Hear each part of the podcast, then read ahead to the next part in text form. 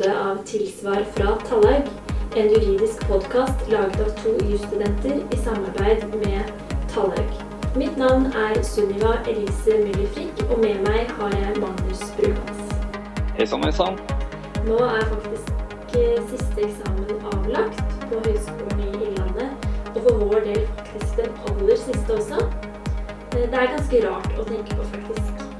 Eh, Siden sommerferien nå er i gang for de fleste av oss, så blir dette sesongens siste episode av Tilsvar fra Tallaug. Men fortvil ikke, det kommer mer til høsten. Ja, det er jo sånn at vi tar jo sommerferie vi også, og til høsten så skal vi jo i gang med nye spennende episoder. Men vi tenkte jo at eh, nå rett før ferien så skal det komme ut en liten bonusepisode hvor vi skal snakke om en eh, ja, hvor vi skal snakke om en eh, veldig interessant sak da, som har gått for amerikanske domstoler, og som har eh, vekt veldig stor interesse både i eh, aviser og i sosiale medier. Og Det er jo da saken mellom Johnny Depp og Amber Heard. Herregud, dette blir spennende. Eh, Og vi skal se på saken ut fra et norsk rettslig standpunkt, og reflektere rundt hvordan denne saken kunne sett ut dersom den ble fremmet for en norsk domstol. Men hvem er det vi har med oss for å diskutere dette, Magnus? I dag så har vi med oss Espen Enger Halvorsen. Velkommen. Takker for å være med. Eh, Kan ikke du kort fortelle litt om hvem du er, og hvilken erfaring du har fra tidligere? Ja. Jeg heter jo da Espen Enger Halvorsen. Jeg er advokat i advokatfirmaet Dalhaug. Jeg arbeider mest med saker tilknyttet fast eiendom, typisk kjøp og salg av bolig, grensetvister, eh, og personjus, alt fra erstatning, arv og familie, og så straffesaker. Eh, Det blir veldig kult å diskutere denne omstridte saken med deg.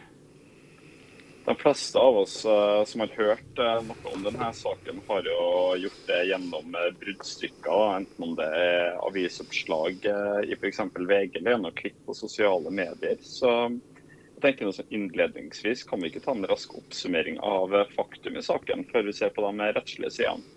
Jo, det kan vi absolutt. Saksforholdet det er sånn oppsummert som følgende. Depp, som var, var gift med Heard fra 2015 til 2017, anla et søksmål mot Heard i 2019 med et krav på 50 millioner dollar for ærekrenkelse. Kjernen i tvisten det er en kronikk i Washington Post fra 2018, der Heard tok et oppgjør med partnervold. Heard nevnte ikke Depps navn rett ut, men hun skrev bl.a. noe om at for to år siden ble jeg et, et offentlig symbol på overgrep i hjemmet, og jeg følte kraften av vår kulturs vrede mot kvinner som sier ifra. Uttalelsen den må ses litt i sammenheng med at ca. to år tidligere så hadde Høl anmeldt Depp for mishandling og krevd besøksforbud. Depp hadde imidlertid hevdet at Høl snakket usant fordi han hadde sagt at han ville skilles. Heard trakk begjæringen om besøksforbud tilbake ikke så lenge etter at den ble fremsatt. Hør og Depp ble skilt, og for omverdenen så virket det som at det gikk ganske rolig for seg, og at det var i ordnede rammer. Men noen år senere da, så dro Høl opp på nytt denne gamle voldspåstanden i avisekronikkene. Og parallelt med dette så var det også en sak i, med, mellom Depp og den britiske avisen The Sun. eh, Hvor da også der hadde Depp blitt omtalt som konebanker. Den, også den saken handlet om ærekrenkelser, men den endte med at Depp ikke fikk medhold. Altså at det ble lagt til grunn at Heard snakket sant om den påståtte mishandlingen. Og da saken mellom Depp og Heard, som vi nå har hørt om da det siste året, det handler jo da om det, for det første om hvor de, er ærekrenket etter Hørts kronikk eller ikke. Og det er jo nok et poeng som kan forsvinne litt i alle de beskyldningene som kommer fra begge parters side, egentlig. Men vi må heller ikke glemme at Heard, som på sin side fremmet et motsøksmål mot Depp i 2020, på det, altså på det dobbelt beløpet, 100 millioner, har anført at Depp har krenket henne og ødelagt hennes karriere. Når det da gjelder konsekvensene fra, på Depp sin side i denne saken, så har han anført at han de siste årene har mistet flere store filmoppdrag, og at karrieren hans er ødelagt pga. anklagene fra Høl. Hovedforhandlingen ble avholdt da fra april nå i 2022, og dommen falt vel 1.6 i år. Depp ble tilkjent i saken 10 millioner dollar i erstatning og 5 millioner dollar i oppreisning fra juryen. Eh, men etter at dommen var lest opp, så er det også slik at dommeren eh, fastslo at den siste summen har et tak på 350 000 dollar. Det fikk altså 10, litt over 10 millioner dollar i erstatning. Heard fikk også medhold i deler av hennes søksmål. Eh, og da ble vel tilkjent 2 millioner dollar i erstatning. Dette her handler om æreskrenkelse. Ja, det stemmer. Og når vi da begynner å se litt på den norske lovhjemmelen for det her, da, så fremgår jo erstatning for ærekrenkelse av skadeerstatningsloven paragraf 3-6a. Og jeg vil jo anta at æreskrenkelse også går under amerikansk erstatningsrett. Før vi går nærmere inn på denne bestemmelsen i norsk rett, da kan vi ikke begynne å snakke litt om ulikhetene mellom rettssystemet i USA og i Norge? Det kan vi. For eh, selv om norsk og amerikansk erstatningsrett har mange likheter, så er det også noen ulikheter som følge av at reglene bygger litt, på litt ulike hensyn. Og dette gir da spesielt noe utslag i erstatningspostene. Når det da gjelder erstatningspostene, så må vi skille litt mellom det vi omtaler som økonomisk tap og ikke-økonomisk tap. For når det gjelder da økonomisk tap, så er det sånn i norsk rett at ditt økonomiske tap skal dekkes. Du skal få dekket det du har tapt, og de utgiftene du har pådratt deg som følge av den skadevoldende handlingen. Ikke mer, og ikke mindre. Eh, skadelidte skal med andre ord stilles som om skaden ikke skjedde. Slik er det i prinsippet også i amerikansk erstatningsrett. En kan jo tenke seg kanskje at beløpene ville være annerledes etter norsk rett enn i amerikansk rett, fordi utgiftene vil være forskjellige. Typisk utgifter til selve saken, eller medisinske utgifter, kanskje. Men når det da kommer til forskjellene mellom norsk og amerikansk rett, så er det hovedsakelig ikke den økonomiske tapet som vi må fokusere på. Det er den ikke-økonomiske tapet-delen for i Norge så har vi en erstatningspost som kalles oppreisningserstatning. Den blir ofte omtalt som en erstatningspost for tort og svie, eller et plaster på såret for ikke-økonomisk tap. Beløpet på denne posten den varierer. Tradisjonelt så snakker vi kanskje om et beløp i størrelsesordenen rundt 20 000 og opp til 150 000 eller litt mer. Men vi har også eksempler i norsk rett på at vi er på beløpet rundt en halv million. I USA så er erstatning for ikke-økonomisk tap litt annerledes. Den varierer nok litt fra stat til stat. Men sånn overordna så har man en erstatningspost som kalles punitive damages. Posten kan på mange måter sammenlignes med oppreisningserstatning, men har et større penalt preg oppreisningserstatning i USA skal da på en måte fungere mer som en smekk på fingeren, slik at skadevolder ikke begår tilsvarende handlinger seinere. Videre så vil en erstatningsposten i USA være mer avhengig av hvem skadevolder er. Slags, øh, altså hvor god økonomi skadevolder har. Eksempelvis hvis eh, den skadelidte mister jobben pga. en avhengighet eh, på en eller annen måte, så kan det være forskjell om skadevolder er et stort firma med mye penger, eller en privatperson med lite penger. Så det kan jo begrunne litt hvorfor man uh, får ulike summer, da, erstatningssummer i norsk rett og amerikansk rett. Det kan det. Det er veldig interessant å se liksom, de store linjene og forskjellene bak de ulike rettssystemene. Men jeg tenkte om vi ikke skulle se litt nærmere på den norske erstatningsregelen som befinner seg i skadeerstatningsloven paragraf 3-6 bokstav A. Men aller, aller først. Hva ligger i ordlyden æreskrenkelse? Jo, øh, ærekrenkelse Altså det fokuserer jo på et lovens vilkår, da. Som vi må egentlig se på hva ordlyden i loven er.